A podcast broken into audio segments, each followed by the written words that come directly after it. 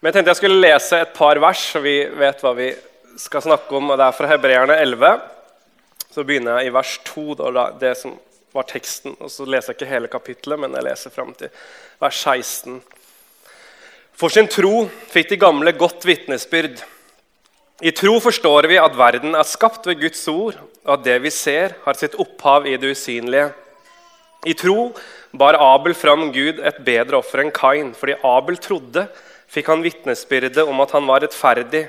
Det vitnet Gud om da han ofret. Og med sin tro taler han ennå etter sin død. I tro ble Enok rykket bort uten å dø. Ingen så ham mer, for Gud hadde tatt ham til seg. Før han ble rykket bort, fikk han vitnesbyrde om at han var til glede for Gud. Uten tro er det umulig å være til glede for Gud, for den som trer fram for Gud, må tro at han er til, og at han lønner dem som søker ham. I tro fikk Noah varsel om at det som ennå ikke var synlig. I Guds frykt bygget han en ark og berget sin familie. Hans tro ble en dom over verden, og selv ble han en arving i den rettferdighet som troen gir. I tro var Abraham lydig da han ble kalt, så han dro ut til et land som han skulle få i arv. Han dro av sted uten å vite hvor han kom. I tro levde han som fremmed i det landet Gud hadde lovet ham. Han bodde i telt sammen med Isak og Jakob, som var medarvinger til det samme løftet. For han ventet på byen med de faste grunnvollene, det som har Gud til byggmester og skaper. I tro fikk også Sara kraft til å grunnlegge en ett, enda hun var ufruktbar og gammel og for gammel til å få barn. For hun stolte på at han som hadde gitt løftet, var trofast. Fra en mann som var uten livskraft, kom det derfor en ett så tallrik som stjernene på himmelen og så talløs som sanden på havets strand. I denne troen døde alle disse uten å fått det som var lovet. De bare så det langt borte og hilste det, og de bekjente at de var fremmede og hjemløse på jorden. Når de taler slik, viser de klart at de lengter etter et fedreland. Hvis de hadde tenkt på dette landet da de dro ut, hadde de hatt tid til å vende tilbake. Men nå er det, men nå er det et bedre land de lengter etter, det himmelske. Derfor skammer ikke Gud seg over dem, men vil kalles deres Gud, for han har gjort i stand en by til dem. Og så fortsetter det og fortsetter det med forskjellige helter gjennom dette kapitlet. Og så sa jo møteleder her hva er tro? Og Den enkleste definisjonen min på tro det er å stole på. Eller når, I i uh, jødisk kultur, som jeg er veldig interessert i og har brukt mye tid i, så står det at deres trosetning er 'Hør, Israel, Herren er Gud'. Å høre på hebraisk betyr å høre og lyde. Og hvis du hører og lyder, så stoler du på noe. Så når jeg tenker på tro, troshelter, så betyr det egentlig de som stoler på helter. Og Derfor er det viktig en ting jeg tenkte å si i dag, sånn fra begynnelsen, at jødisk teologi er veldig praktisk. Hvis ikke det kan gjennomføres, så er det dårlig teologi, så forkastes det. Så komme tilbake til det. Derfor er det så viktig når vi leser Bibelen, en av mine ting som jeg sier mye når vi har sånne bibelkvelder, andre undervisning, at spør masse spørsmål, og ikke bare være fornøyd med sånn ja, sånne, Ta opp ditt kors hver dag og følg meg. Ja, men hva betyr det? Hvis ikke det kan leves, så er det dårlig teologi, for da blir det jo bare noe abstrakte ting. Og så er det et vers her i 11,6 det har jeg tenkt mye på gjennom livet mitt. Der står det at uh, uten tro er det umulig å være til glede for Gud. For den som trer fram for Gud, må tro at han er til, og, den, og at han lønner dem som søker ham. Altså, så Det eneste måten vi kan ære Gud på å gi virkelig glede til Gud, er å tro på Han. Og så synes jeg Det er så fantastisk. Hva er det de skal tro? Hva er det som Gud spør? Det her er så viktig for meg. Det er ikke at du har frelst tusenvis av stykker, ikke at du var en stor helbredelsespredikant. Men det står at du tror at han er til, og at han lønner de som søker ham. Hva er det han vil? Han vil at vi skal stole på at det han sier om seg selv, er sant. Og at han lønner deg, altså at han er en god gud når du søker ham. Når du gir ditt liv til han, når du velger hans vei, så vil han velsigne deg. Og Det ble sånn sånn lettelse for meg når jeg fikk den åpenbaringen. For er det ikke ofte det vi ønsker selv? Vi hater å bli satt i bås. og Joakim, du er sånn og sånn. Så jeg, Nei, men det er ikke meg. Hva er det vi alle lengter etter? Å bli sett for den vi er. Og anerkjent for den vi er. Og Det er jo det samme med Gud. Vi er skapt i Guds bilde. Gud sier, 'Joakim, hvis du skal glede meg, så tro at jeg sier at jeg er den jeg er.' Og hva er det? At jeg er en god Gud. Hva er et liv i tro? Det handler om å stole på at Gud er den han sier han er. Så hva var spesielt med disse? Jo, det var folk som stolte på, hørte på, lød Gud mer enn kulturer, familier og andre mennesker.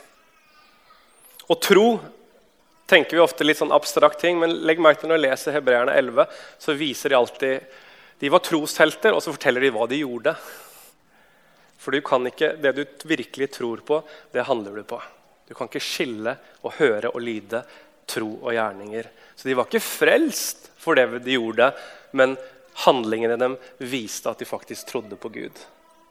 Vi må passe på den rekkefølgen her, hvis ikke så kommer vi feil ut. At vi skal prøve å gjøre ting for å gjøre Gud blid. Det er ikke det, men hvis du faktisk tror på Gud, det betyr at du stoler på Han, da vil handlingene dine vise det.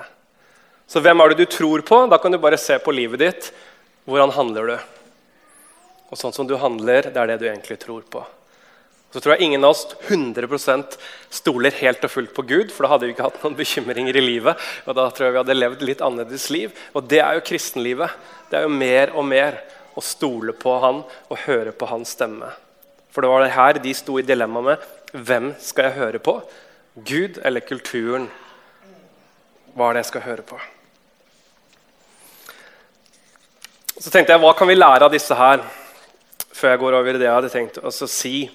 Og Det første som slår meg, er en del av disse navnene her. Er, levd, De første her er, liksom, de er litt mer sånne troshelter, men litt seinere, i kapittel 11, så står det og Hvem skal jeg ellers nevne? Tiden strekker ikke til hvis jeg kan fortelle om Gideon, Barak, Samson, Jefta, David, Samuel og profetene. Og så er jeg veldig glad i Dommernes bok, så jeg, tenker, så jeg satt der og leste De, spesielt Gideon, Samson og Jefta, de hadde jeg aldri løfta opp som noen troshelter. Og Det er derfor det første slår meg. Et liv i tro handler ikke om perfeksjonisme eller at du har et syndfritt liv. La meg fortelle deg litt om Gideon, Samson og Jefta, så kan du vurdere om Gud burde hatt de som troshelter. Gideon var en relativt eh, forsiktig type. De, hadde, de, var eh, undertrykt under tiden hans. og da står det at han skal treske. Treske det gjør man på toppen av hodet fordi man heiv opp kornet, og så tok vinden agnet eller de tingene, og så datt kornet ned. Det står at han tresket i en vinpresse. Vinpresse er jo noe du har gravd nedi jorden. For han var så redd for at disse fiendene skulle komme og ta kornet sitt. Så kaller Gud han. Og det egentlig eneste som står i Dommernes bok, som er heltegjerningen hans, er at til slutt så angriper han jo fiendehæren med 300 mann. Men det hadde han gått gjennom mange tester mange runder med Gud for å bli overbevist om det. Men resten av livet hans var jo egentlig en katastrofe. For det første han gjorde etter at det var helt overbevist om at det her må være Gud som har slått dem, de var jo bare 300 mann med noen fakler og horn, så går han tilbake og så rundhjuler han eh, en by som ikke ville hjelpe han, men De tok noen tornebusker og riste dem. Jeg vet ikke hvordan det så ut, men de sa de ga dem en skikkelig omgang. står det. Og den andre byen som ikke var med, der drepte han alle sammen for en type. Altså han hadde, Gud hadde gitt ham sånn nåde over seieren, og så gikk han tilbake og straffa de som ikke ville være med. Så kom han tilbake, var jo en helt, og så sa de 'Vi vil gjøre deg til en konge, Gideon'. Og så sa han nei, nei, han visste hva det viktig, rette teologien var. å si nei, jeg vil ikke være konge. Men hva var livet hans? Han levde som en konge likevel. Han tok imot skatt. Han bygde en efod som han satte opp, og dermed så dro han tilbedelsen bort fra tabernakelet og til seg selv.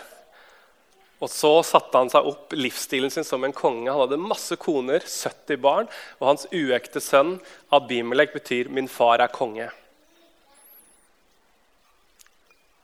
Så det kan jo være sånn, Han, han levde, han sa de riktige teologiske ordene, men i virkeligheten så levde han som en konge, stikk i strid med Guds ord.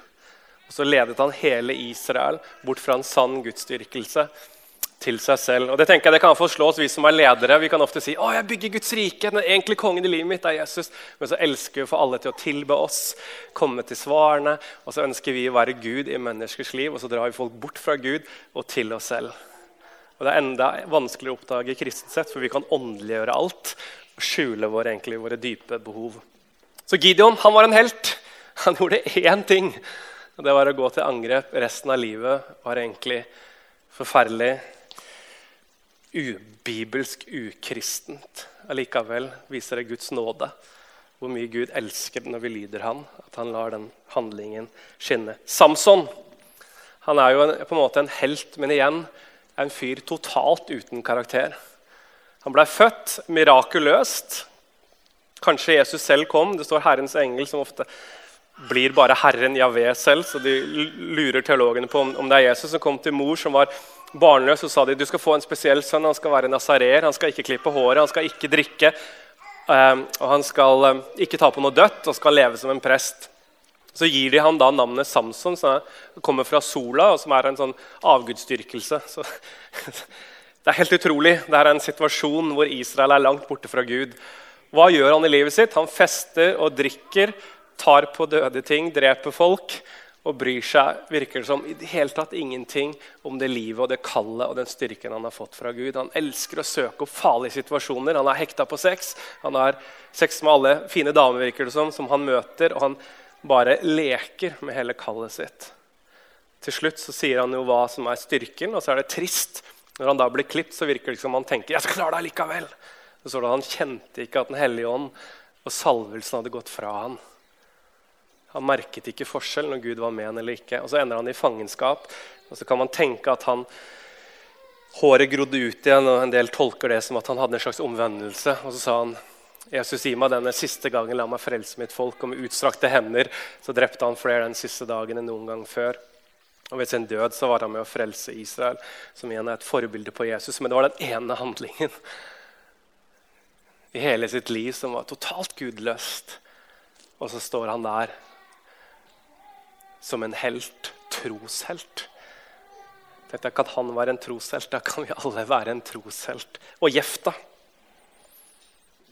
En sønn av en prostituert, en sånn skikkelig crazy type som Gud valgte ut til frelse. Jeg har ikke tid til å gå inn i Dommernes bok, men jeg lese den gjerne, for den sier veldig mye jeg, om hvordan situasjonen er i Norge i dag.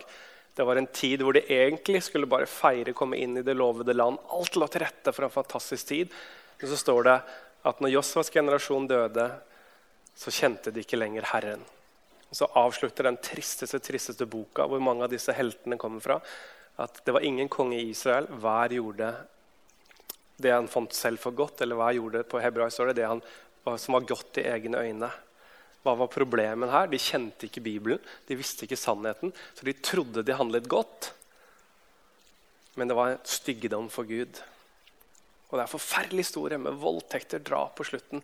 Dette nasjonen som skulle være et lys, endte opp i totalt mørke. Og en av de verste dommerne er jo Jefta.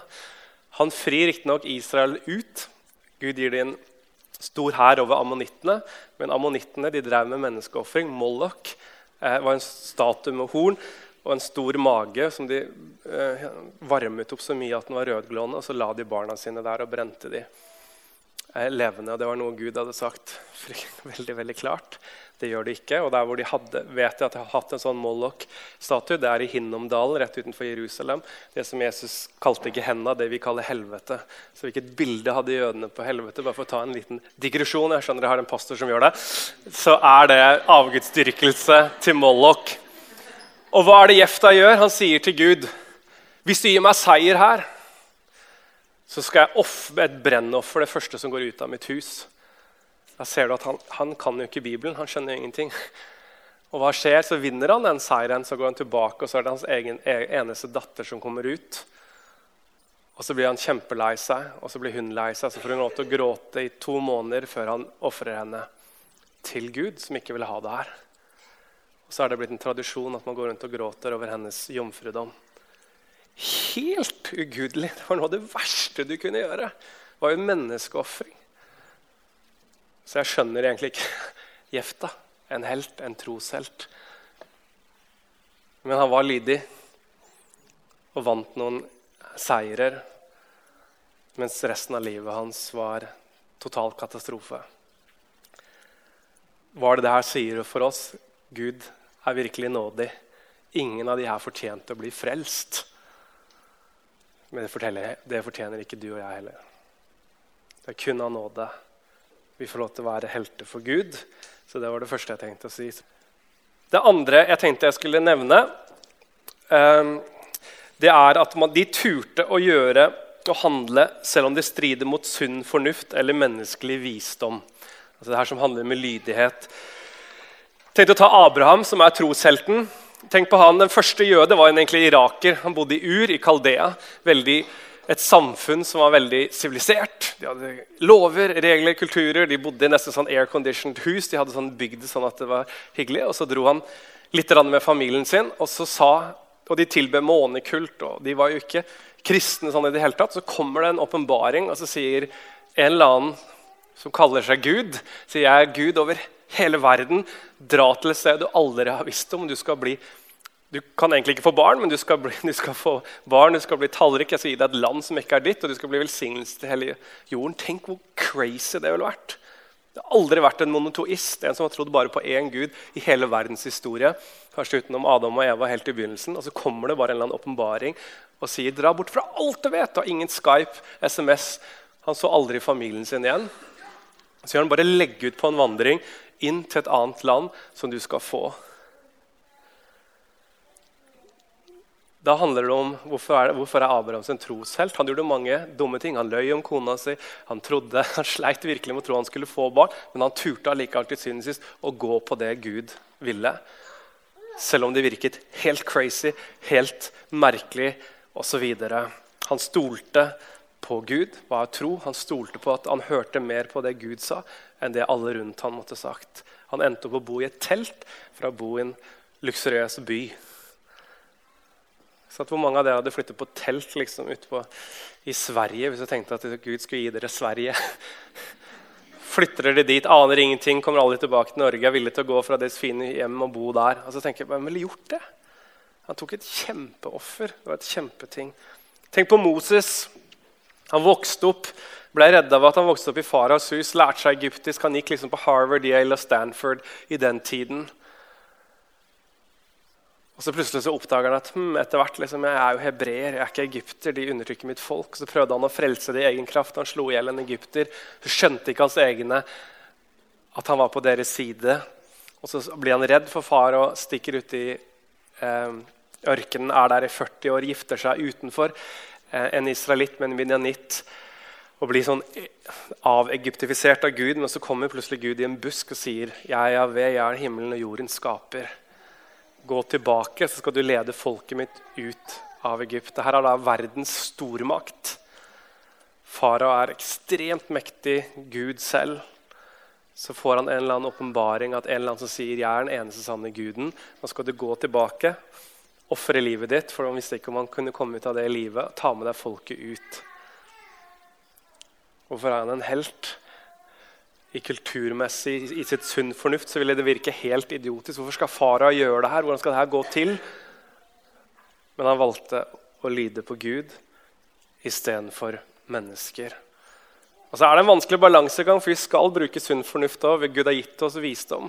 Men av og til så ber Gud gjøre oss noen ting som går imot vår sunne fornuft. Og da får du spørsmålet hvem er det du stoler på? Gud eller det og du må ikke tro at bare det var enkelt heller for Abraham og Moses å vite er det her virkelig deg, Gud. Vi tenker ofte når vi leser de tingene at de var helt, helt obvious. Men når du leser nøye, så merker du at de hadde mye tvil, de òg. Abraham spesielt, han trodde ikke, han falt jo ned og lo når de sa at han skulle få en sønn. Det samme gjorde Sara.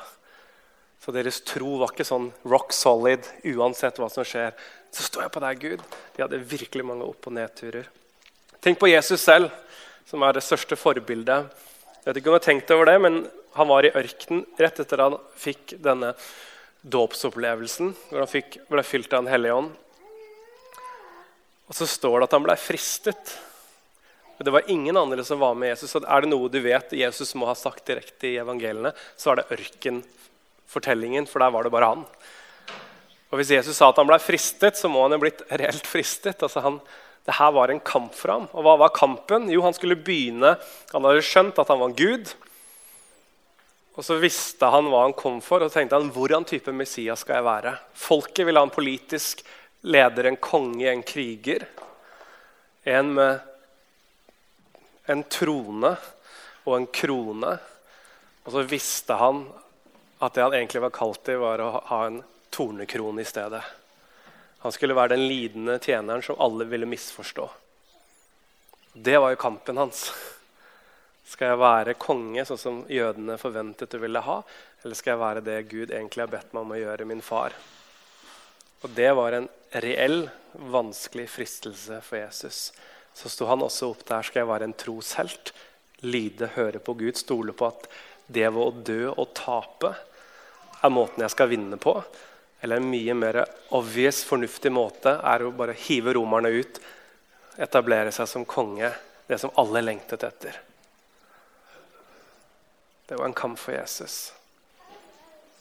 Han sa at han ble fristet til å gå den andre veien. Men så valgte han å stole og høre på Gud. Den andre som har vært en fristelse, er jo Han ble stadig vekk, så hadde han store møter. Mange stikker, og mange ville han gjøre han til pastor der i byene. Men så valgte han å bruke sine tre år i tjeneste og trene elleve disipler som ikke nødvendigvis var de smarteste. Jeg skal forklare litt mer om disippelskap etterpå, men han ga egentlig liksom elleve russ oppgaven, altså 19-åringer og litt til, oppgaven si 'forandre verden'. Det var ikke veldig fornuftig. Ikke veldig sånn 'ja'! Tenk på det. Jesus sto overfor den fristelsen. Og det bringer meg inn til det jeg hadde egentlig tenkt å snakke om i dag. Og det er hva med oss i dag? Hvordan ser et liv i tro ut for, for deg og meg i dag? Det handler ikke om som jeg sa, det å være perfekt. Det handler om å tørre å gå på det Gud sier, selv om verden sier noe annet. Men først og fremst så handler det om å følge Jesus. Hva er det Jesus sa til oss? Jeg har gitt all makt i himmelen og på jord. Gå derfor ut og disipler alle nasjoner, og se jeg med dere inn til verdens ende. Så Hvis vi skal følge Jesus, tro, stole på han, så er det det ett oppdrag vi har fått. Det er at vi skal la oss disippelgjøre og disippelgjøre andre. Så tenkte jeg bare kjapt å si, men Hvordan funka det på Jesus' sin tid? Hva var det å være disippel? Når Jesus sa det, hva mente han? Og Da skal jeg bare fortelle litt konteksten hvor Jesus kom. Etter Dommernes bok, kongeboken, så ender de opp i eksil. De er i, i Babylon. Får komme tilbake igjen til Israel, skal de bygge opp tempelet. og de, de, håper nå skal vi få tilbake storhetstiden. Men når de er ferdig bygd tempelet, så gråter de. For det er ikke sånn som det var før. Det er ikke så stort, fint og flott. Og så er de undertrykt nesten helt fram til Jesu tid. Bare en liten periode hvor de er selvstendige. Og så begynner det å vokse fram en sånn Men Gud, hvorfor har vi det så dårlig?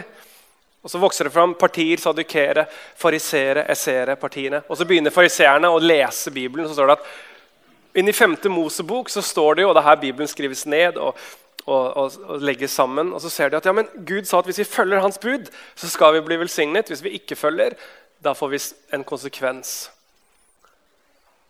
Og så tenker de ja, men du, vi følger ikke Guds bud. Det er problemet. Og så sier de ok, men da må vi da må vi begynne å følge Guds bud. Men problemet er det er 613 lover. Det er ganske mange å huske på. Og Av og til så går de litt mot hverandre. Det står at vi skal holde sabbaten hellig. Men hva hvis det står også at vi skal hjelpe naboen din hvis eselet hans faller i et hull? Hva hvis eselet faller i et hull på sabbaten? Hvilket bud er størst? Skal jeg hjelpe naboen, eller skal jeg holde meg i ro? Og så tenkte de Vi må finne ett bud som vi kan måle alt i Bibelen ut ifra et kjernebud, et mission statement. Og så krangla de masse, som ofte jøder gjør. Masse meninger. Og så er det en lang diskusjon som går over en tid. Så kommer du fram til det her 1144, tredje Mosebok 1144. Vær hellige som jeg er hellig. Men så tenker jødene det her må jo kunne leves ut. Det må være praktisk. og hva betyr det at Gud er hellig? Så diskuterte de seg igjen og kom fram til at Gud er perfekt, annerledes, og at han er god. Og så sa de ok, Gud er god, Gud er perfekt.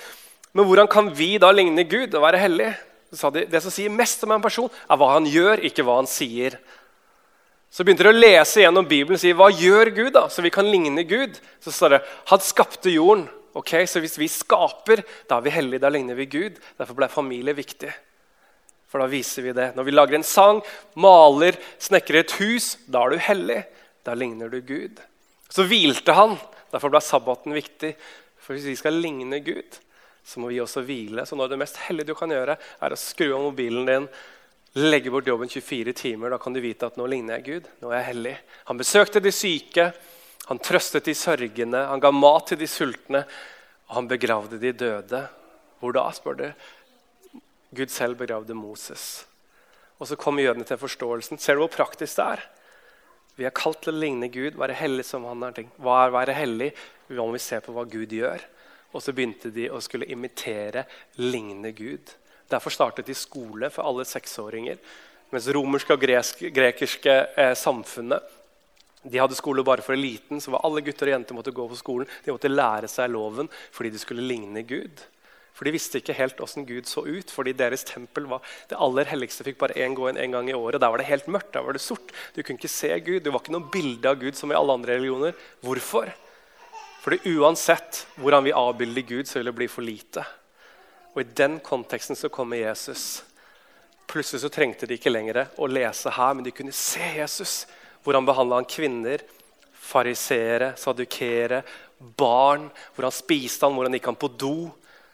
Alt var viktig. Og når du var en disippel da, så handla det ikke om sånn som vi ofte gjør når vi er på universitetet. Jeg vil vite det professoren min vet. Det er ikke disippelskap. Men du vil bli som professoren din. Poenget at du skulle bli som rabbin. Derfor var det et ordtak som sa May you be covered by the dust of your rabbi. Du skulle gå så tett, være så klegg på læremesteren din at du ble helt støvete på disse israelske veiene. For du skulle aldri miste et øyeblikk. For tenk om Jesus gjorde noe som var viktig. Og alt var viktig. Hvordan de gikk på do, hvordan de sto opp, hvordan de spiste. Alt. Og så ville de bli som han. Og Derfor var rabbiene på Jesu tid veldig viktig. De fleste kom og sa kan jeg være så snill å være rabbien din. du er en stor rabbi. Så ville de teste det i timevis i, i, bibelkunnskaper. Og se, Har du det som skal til? Er du smart nok? Er du klok nok? Får du det til? For at Hele poenget var, poenget var at en rabbi skulle reprodusere seg selv. og skulle de til hans skole, hans tankemåte, hans levemåte videre. Men Jesus og en annen som en tilhell, de gjorde det motsatt. De kalte disipler. Sa 'kom og følg meg'. Så disse, De fleste av disiplene av Jesus hadde kanskje aldri made the cut. Hvorfor var de så slapp i garnet og løp etter ham? Det var en som så dem. Var det Jesus sa? Han sa 'følg meg'. Så sa han 'jeg tror du kan bli som meg'. Tenk på en 13-14-åring som de stort sett var når du begynte å følge rabbi. 15 år kanskje. Så kommer det en svær, anerkjent rabbi som har gjort vann til vin, gjort forskjellige ting, og folk bare ser opp til, og så sier han, 'Vet du hva? Du, 14 og 15 år gammel gutt, jeg tror du kan bli akkurat som meg.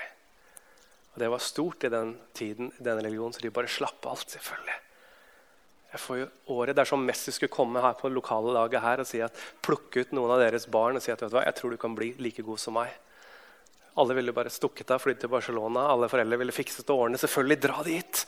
Det her er guttedrømmen din. Så Peter var antakeligvis over 20 år, men de fleste var nok under det. Og så dør Jesus, og sier han nå, nå er det deres tur.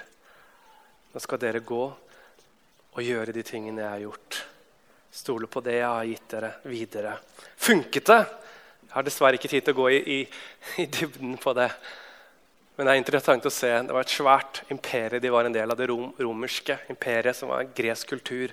Så bare si superkjapt uten å gå inn fem ting de forandret. Kroppssynet. Fra et negativt kroppssyn som romerne og grekerne hadde, til et positivt kroppssyn fordi det handlet om ikke bare frelsesjel, men det handlet om kroppets oppstandelse. Så Kristendommen i hvert fall det som fikk inn så at kropp og det materielle og skaperverket var godt. og Det forandret man, at man brydde seg om sultne mennesker. Hvorfor skal man gi mat til en kropp som er sulten, hvis ikke kropp er viktig?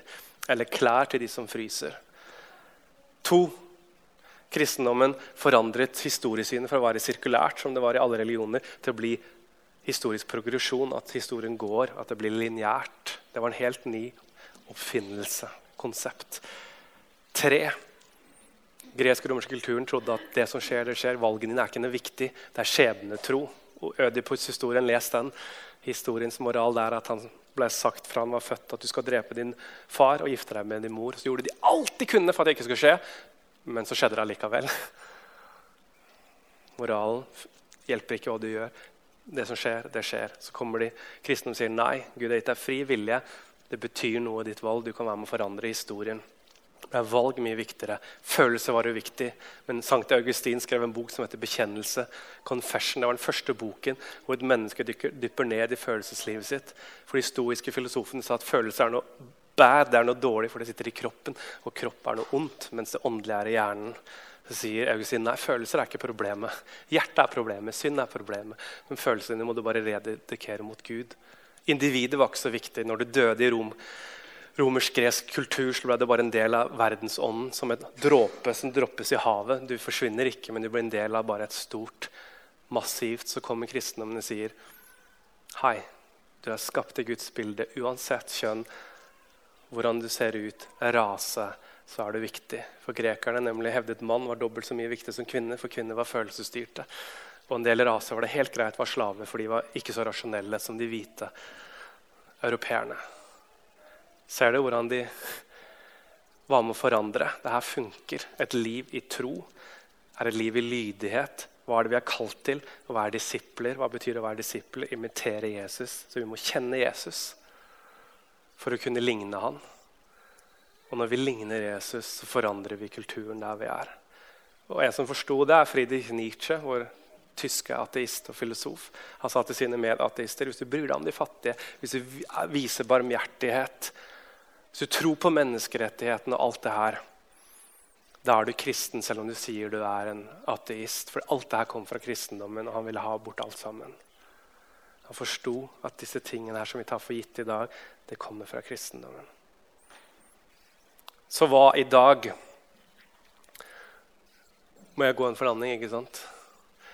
Så hva, hva, i dag? Jeg jobber i Oslo som jeg sa, med å prøve å finne ut jeg, Derfor jeg har brukt mye tid på disse tingene. her. Jeg skulle gjerne gått i mye mer detalj, men jeg tenker, hvordan ser det ut å følge Jesus i Norge i dag?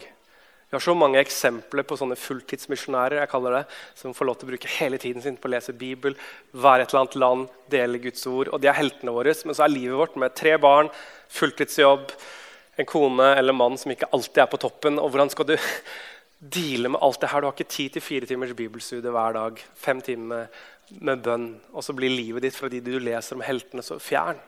Og så får vi dårlig samvittighet, og så klarer vi ikke helt altså bridge den. og Derfor jeg, følte jeg Gud sa når vi flytta til Oslo, finne ut hvordan ser det ut å gå og følge Jesus i dag. I en busy hverdag, i et studium. Hverdagen din disippelskapet, det må funke. Hvordan kan vi få lov til å ligne Jesus? For det er hele meningen med livet vårt. at vi skal ligne Jesus. Og Da er det fem ting vi har kommet opp med for at vi skal huske det selv, som vi har jobbet med i åtte år nå, på å prøve å få inn i vår nettverk. Og Det ene er Bibelen. Vi må kjenne Guds ord. Se hvor dårlig det gikk med disse heltene, for de kunne ikke Guds ord. Og Du kan ikke i dag ligne en person du ikke kjenner. og Skal du bli glad og kjent i Jesus, så må du lese evangeliene. Finne ut hvem er Jesus Hvordan oppførte han seg? Hvordan handlet han? hvis du skal handle likt som han. Så Bibel er utrolig viktig. Rytmer er utrolig viktig. Jesus ba kanskje 100 ganger om dagen. Tre faste bønnetider, og så ba de for alt. Når de våkna, når de gikk på do, når de spiste, hver gang de drakk vann. Hvorfor gjorde de det? For at de måtte hele tida minne seg om ah, hvem er det jeg tilhører. Så ser jeg ikke be 100 ganger om dagen, men gjerne to-tre ganger. Trenger ikke å være timevis, men bare to minutter. Ha det på mobilen din. Tar du en pause og sier Gud, takk for at jeg er til. Takk for alt du har skapt. Og så bare plutselig så kobler vi på. Jeg pleier å si at I begynnelsen må du bære en rytme, men etter hvert så bærer rytmen deg. Litt fast time med Gud. Trenger ikke å være to timer, men fem minutter. Så blir den fem minutteren en fantastisk del av livet ditt som hjelper deg gjennom tøffe perioder. Og Jesus elsker de fem minuttene, og han er ikke sur på at du ikke bruker to timer. Ikke tenk på det som en sur, forferdelig Gud som er ute etter å ta deg. Så Bibel, rytmer, fellesskap. Jesus sendte de aldri ut én og én, men to og to. Lederskap er alltid flertall i Nytestamentet. Vi må lære oss å forstå hva det er å være familie igjen. Jeg har oppdaget det i Oslo. Mange kommer, skal studere, har kjempestore ambisjoner, flytter inn med fire-fem kristne venner, og så ender de opp etter et år og har hatt én middag sammen. Hvorfor det? For alle lever for seg selv, og så er det bare restene man gir inn til de andre. Og da er det ikke mye familie, det er ikke mye fellesskap, det er en gjeng med individer som bor sammen. Og Da må vi knekke en kode, også i familielivene våre. Mange ekteskap hvor man bare lever sammen. Man er ikke familie sammen, man lever totale liv. Forskjell fra barn, kone osv. Hvordan kan vi leve åpne familieliv? Bare et lite eksempel der. Vi følte Gud sa til oss at vi skulle åpne familien vår for, eh, for noen folk. Så vi har invitert åtte um, unge voksne inn i livet vårt og sier at dere er vår familie i to år. Så har vi faste møtepunkt gjennom året. Vi har en ferie i halvåret med dem. Og så skal vi bare gi vårt DNA videre til dem. Og det har vært en fantastisk glede for oss og de. Det var en elendig dårlig tid. Vi skulle få nummer tre. Tenkte det er kaos, vi har en liten leilighet. Ah, men selvfølgelig Gud sa 'gjør det'. Så har det vært en kjempevelsignelse. For familie, vitnesbyrd, det å dele vitne. Ikke alle er evangelister, men alle er kalt til å være et vitne. Og der må jeg bare si at Vi har sånn utrolig innadvendt kultur. Vi elsker liksom bolle, ting Bibelsamlinger, lovsangsamlinger, alle mulige slags former. Med en gang det kommer til sånn utadvendthet, så vet vi ikke helt hvordan vi skal dele tro. Og vår kultur har vært der. Vi har vokst opp i kristen, en sånn kristen kultur, og det er noe vi har jobba hardt med i vårt nettverk. Hvordan kan jeg naturlig dele tro med mine ikke-kristne venner? Og Der trenger vi skikkelig å jobbe med det. Og nummer fem, aller siste, det er en identitet at vi er elsket av Jesus og av Gud. Hvis ikke så blir livet vårt forferdelig slitsomt og stressende. så går vi rundt sånn, og Hvem vil bli kristne da? Hvis vi går og ser på deg og meg, tenker han virker bare alltid utbrent, har aldri tid til meg, virker utrolig sliten og skamfull. Husk på det, Vi går rundt som levende bilder av Jesus. Vi er skapt i Guds bilde. Vi skal reflektere Gud. Da er vi nødt til å ta imot hans kjærlighet som sier at du er elsket, Joakim. Du er en sønn eller datter av meg. La meg avslutte med denne historien her. Når Jesus ble døpt, har du tenkt på det? Hvorfor måtte han bli døpt? Han ble døpt, Kanskje måtte han operere på samme måte som oss, med at han trengte Den hellige ånd. Selv om han var Gud. Jeg vet ikke. Men jeg tror enda viktigere for han var å høre de tre ordene som ble sagt ut om, eller tre setningene. Du er min sønn, den elskede som jeg har behag i. Og Det var før han hadde gjort et eneste mirakel, eneste offentlig tjeneste. Han hadde bare levd som en vanlig jødisk gud, studert Bibelen, jobbet som en steinhugger, tatt vare på familien sin. Og så bare proklamere Gud ut så høyt så alle hører det. Hæ? Der er min sønn. Jeg er kjempestolt av denne steinhuggeren som lever et helt vanlig liv. Han har jeg behag i. Det er min. Og tenk på det at Jesus, som var Gud selv, trengte å høre det før han skulle gjøre noe for Gud. Hvor mye mer trenger ikke du og jeg å høre det da? Vi som ikke er Gud, men bare et menneske. Og Hva var det Satan prøvde å ta fra han i ørkenen? Er du virkelig Guds sønn? Er du virkelig Guds sønn? Er du virkelig Guds sønn? Det første Satan prøvde å ta, var identiteten hans. At han visste at han var elsket av sin far. For hadde Satan gjort det, så hadde han tatt og ødelagt Jesus sin tjeneste. Beklager, det her ble litt all over the place, men jeg håper dere har fått med dere noen ting. La meg få lov til å be. Takker deg, Gud, for at du er så raus og så nådefull når du skriver en kapittel i ditt ord om heltene så er det, leser jeg de, så ser jeg at mange av disse heltene de var jo helt på bærtur stort sett hele, store eller nesten hele livet sitt. Allikevel, i din store nåde, så løfter du dem opp fordi du elsker tro. Du elsker når vi lever ut og lyder deg mer enn menneskene, selv om mye av livet vårt er i, ikke er i vater eller ikke ligner noe som helst på den, hvem du er. Ta for din store nåde. Hjelp oss, Gud, til å tørre å gå imot kulturen, verdensprest, og høre mer på deg. Og hjelp oss, Gud, til å ligne deg og forstå hva er det å si å følge deg, Jesus. Du er så praktisk. Du ville at vi skulle bare ligne på deg, gjøre de samme tingene som du er. Hjelp oss til å finne ut hvordan det ser ut på Klepp, sånn at denne menigheten her skal kunne være et lys i nabolaget. Og hjelp oss i dag Gud, til å ta imot identiteten som vi så sårt trenger. At vi er døtre og vi er sønner, elskede av deg. Vi er prinser og prinsesser. Amen.